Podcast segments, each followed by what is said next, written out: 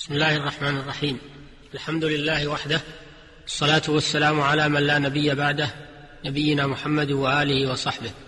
وبعد أيها الإخوة المستمعون الكرام السلام عليكم ورحمة الله وبركاته.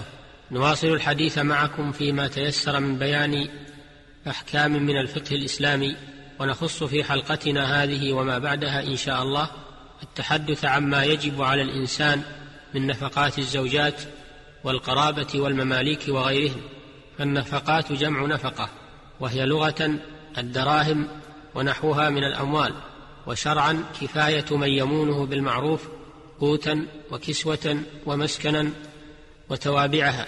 وأول ما يجب على الإنسان النفقة على زوجته فيلزم الزوج نفقة زوجته قوتا وكسوة وسكنا بما يصلح لمثلها. قال تعالى لينفق ذو سعة من سعته قال تعالى ولهن مثل الذي عليهن بالمعروف وقال النبي صلى الله عليه وسلم ولهن عليكم رزقهن وكسوتهن بالمعروف رواه مسلم وأبو داود. قال شيخ الإسلام ابن تيمية رحمه الله ويدخل في ولهن مثل الذي عليهن بالمعروف جميع الحقوق التي للمرأة وعليها. وأن مرد ذلك إلى ما يتعارفه إلى ما يتعارفه الناس بينهم ويجعلونه معدودا ويتكرر انتهى. ويعتبر الحاكم تقدير نفقة الزوجة بحال الزوجين يسارا وإعسارا أو يسار أحدهما وإعسار الآخر عند التنازع بينهما. فيفرض للموسرة تحت الموسر من النفقة قدر كفايتها مما تأكل الموسرة تحت الموسر في محلهما. ويفرض لها من الكسوة ما يلبس مثلها من الموسرات بذلك البلد. ومن الفرش والأثاث كذلك ما يليق بمثلها في ذلك البلد. ويفرض للفقيرة تحت الفقير من القوت والكسوة والفرش والأثاث ما يليق بمثلها في البلد. ويفرض للمتوسطة مع المتوسط والغنية تحت الفقير والفقيرة تحت الغني ما بين الحد الأعلى وهو نفقة الموسرين والحد الأدنى وهو نفقة الفقيرين بحسب العرف والعادة لأن ذلك هو اللائق بحالهما. وعلى الزوج مؤونة نظافة زوجته من دهن وسدر وصابون وثمن ماء للشرب والطهارة والنظافة. وما ذكر هو ما إذا كانت الزوجة في عصمته. أما إذا طلقها وصارت في العدة فإن كان طلاقها رجعيا فإنها تجب نفقتها عليه ما دامت في العدة كالزوجة لأنها زوجة. بدليل قوله تعالى وبعولتهن أحق بردهن في ذلك. وأما المطلقة البائن بينونة كبرى أو بينونة صغرى فلا نفقة لها ولا سكنى.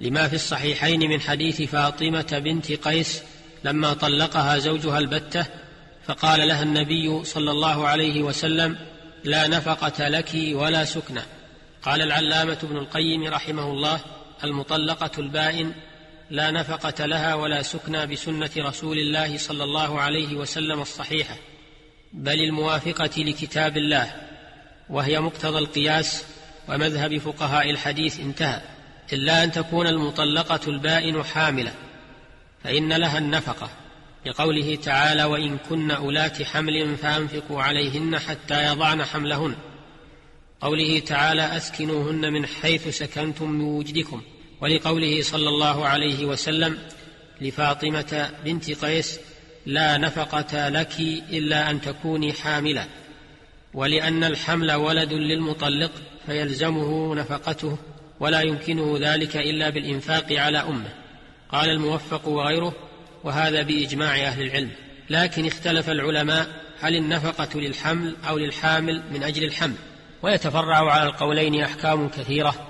موضعها كتب الفقه والقواعد الفقهية وتسقط نفقة الزوجة عن زوجها بأسباب منها إذا حبست عنه فإنها تسقط نفقتها عليه لفوات تمكنه من الاستمتاع بها والنفقة إنما تجب في مقابل الاستمتاع ومنها ما إذا نشزت عنه فإنها تسقط نفقتها والنشوز هو معصيتها إياه فيما يجب عليها له كما لو امتنعت من فراشه أو امتنعت من الانتقال معه إلى مسكن يليق بها أو خرجت من منزله بغير إذنه فلا نفقة لها في هذه الأحوال لأنها تعتبر ناشزا لا يتمكن من الاستمتاع بها والنفقة في نظير تمكنه من الاستمتاع.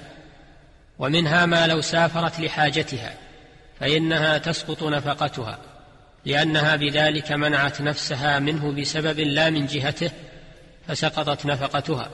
والمرأة المتوفى عنها لا نفقة لها من تركة الزوج لأن المال انتقل عن الزوج إلى الورثة ولا سبب لوجوب النفقة عليه فتكون نفقتها على نفسها أو على من يمونها إذا كانت فقيرة وإن كانت المتوفى عنها حاملا وجبت نفقتها في حصة الحمل من التركة إن كان للمتوفى تركة وإلا وجبت نفقتها على وارث الحمل الموسر وإذا اتفق الزوجان على دفع قيمة النفقة أو اتفقا على تعجيلها أو على تأخيرها مدة طويلة أو قليلة جاز ذلك لأن الحق لهما. وإن اختلفا وجب دفع نفقة كل يوم من أوله جاهزة. وإن اتفقا على دفعها حبا جاز ذلك لاحتياجه إلى كلفة ومؤونة فلا يلزمها قبوله إلا برضاها. وتجب لها الكسوة كل عام من أوله فيعطيها كسوة السنة. ومن غاب عن زوجته ولم يترك لها نفقة أو كان حاضرا ولم ينفق عليها لزمته نفقة ما مضى لأنه حق يجب مع اليسار والإعسار فلم يسقط في مضي الزمان. ويبدأ وقت وجوب النفقة على زوج ويجب ويبدأ وقت وجوب نفقة الزوجة على زوجها من حين تسليم نفسها له. فإن اعسر بالنفقة فلها فسخ نكاحها منه. في حديث أبي هريرة مرفوعا في الرجل لا يجد ما ينفق على امرأته قال يفرق بينهما. رواه الدار قطني. ولقوله تعالى فإمساك بمعروف أو تسريح بإحسان. وليس الإمساك مع ترك النفقة إمساكا بمعروف.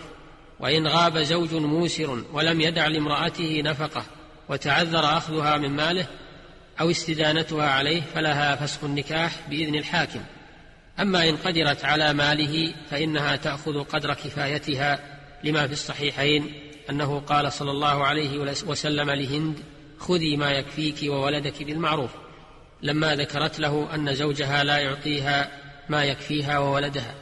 أيها المستمعون الكرام من هذا ندرك كمال هذه الشريعة وإعطاءها كل وإعطاءها كل ذي حق حقه شأنها في ذلك كما في بقية تشريعاتها الحكيمة فقبح الله قوما يعدلون عنها إلى غيرها من القوانين الكفرية أفحكم الجاهلية يبغون؟ ومن أحسن من الله حكما لقوم يوقنون؟ والحمد لله رب العالمين وإلى الحلقة القادمة بإذن الله. السلام عليكم ورحمة الله وبركاته. صلى الله وسلم على نبينا محمد وآله وصحبه.